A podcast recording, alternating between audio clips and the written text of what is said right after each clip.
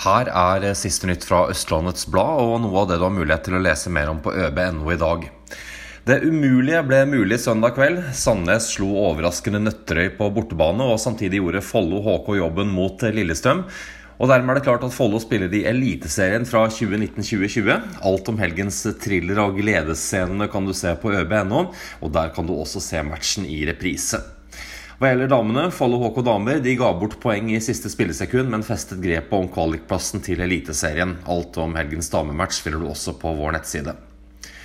Foreslår egen togstasjon på Ski øst i nytt alternativ til østre linje. Ørkenløpet ble en tankevekker for Jan Billy. 36-åringen sier i intervjuet til Høbe at kroppen eh, sier at han skal tilbake.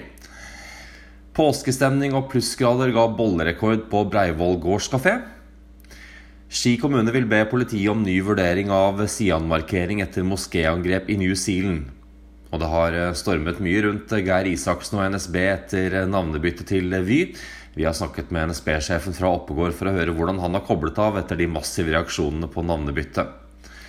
17 boliger til mer enn 10 millioner til salgs i Follo akkurat nå. Og du kan også lese om det 16 år gamle spydtalentet Vibeke som holder den kroniske sykdommen i sjakk med medisiner. Årets mål er medalje i ungdoms-OL. Dette og mer til på ØB.no i dag. Vi ønsker deg en fantastisk fin mandag.